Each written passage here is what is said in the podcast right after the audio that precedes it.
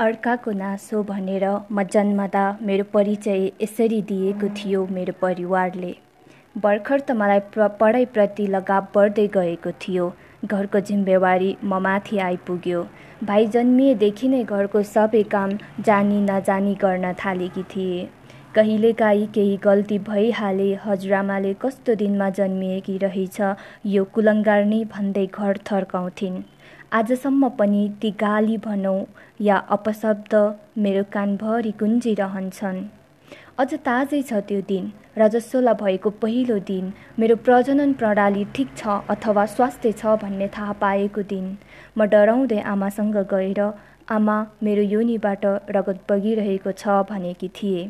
आमाले हतार हतार मलाई एउटा कोठामा लगेर बन्द गर्दै भनिन् त यहाँबाट कतै नजानु म एकैछिनमा आउँछु। यसो भनेर उनी त्यहाँबाट गइन्। यता मेरो मनमा भने झन् त्रास पर्न थाल्यो।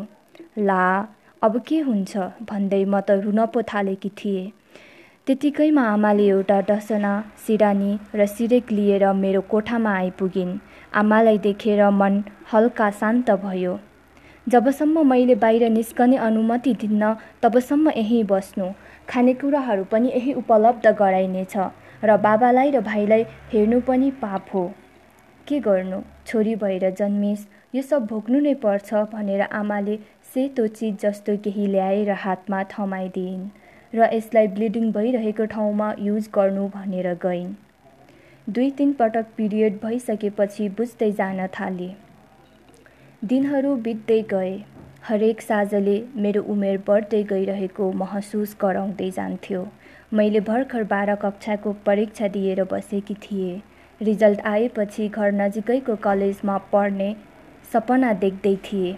घरमा बिहेको प्रस्ताव आयो। बुबा आमाले धुमधामका साथ मेरो विवाह गराइदिनु भयो।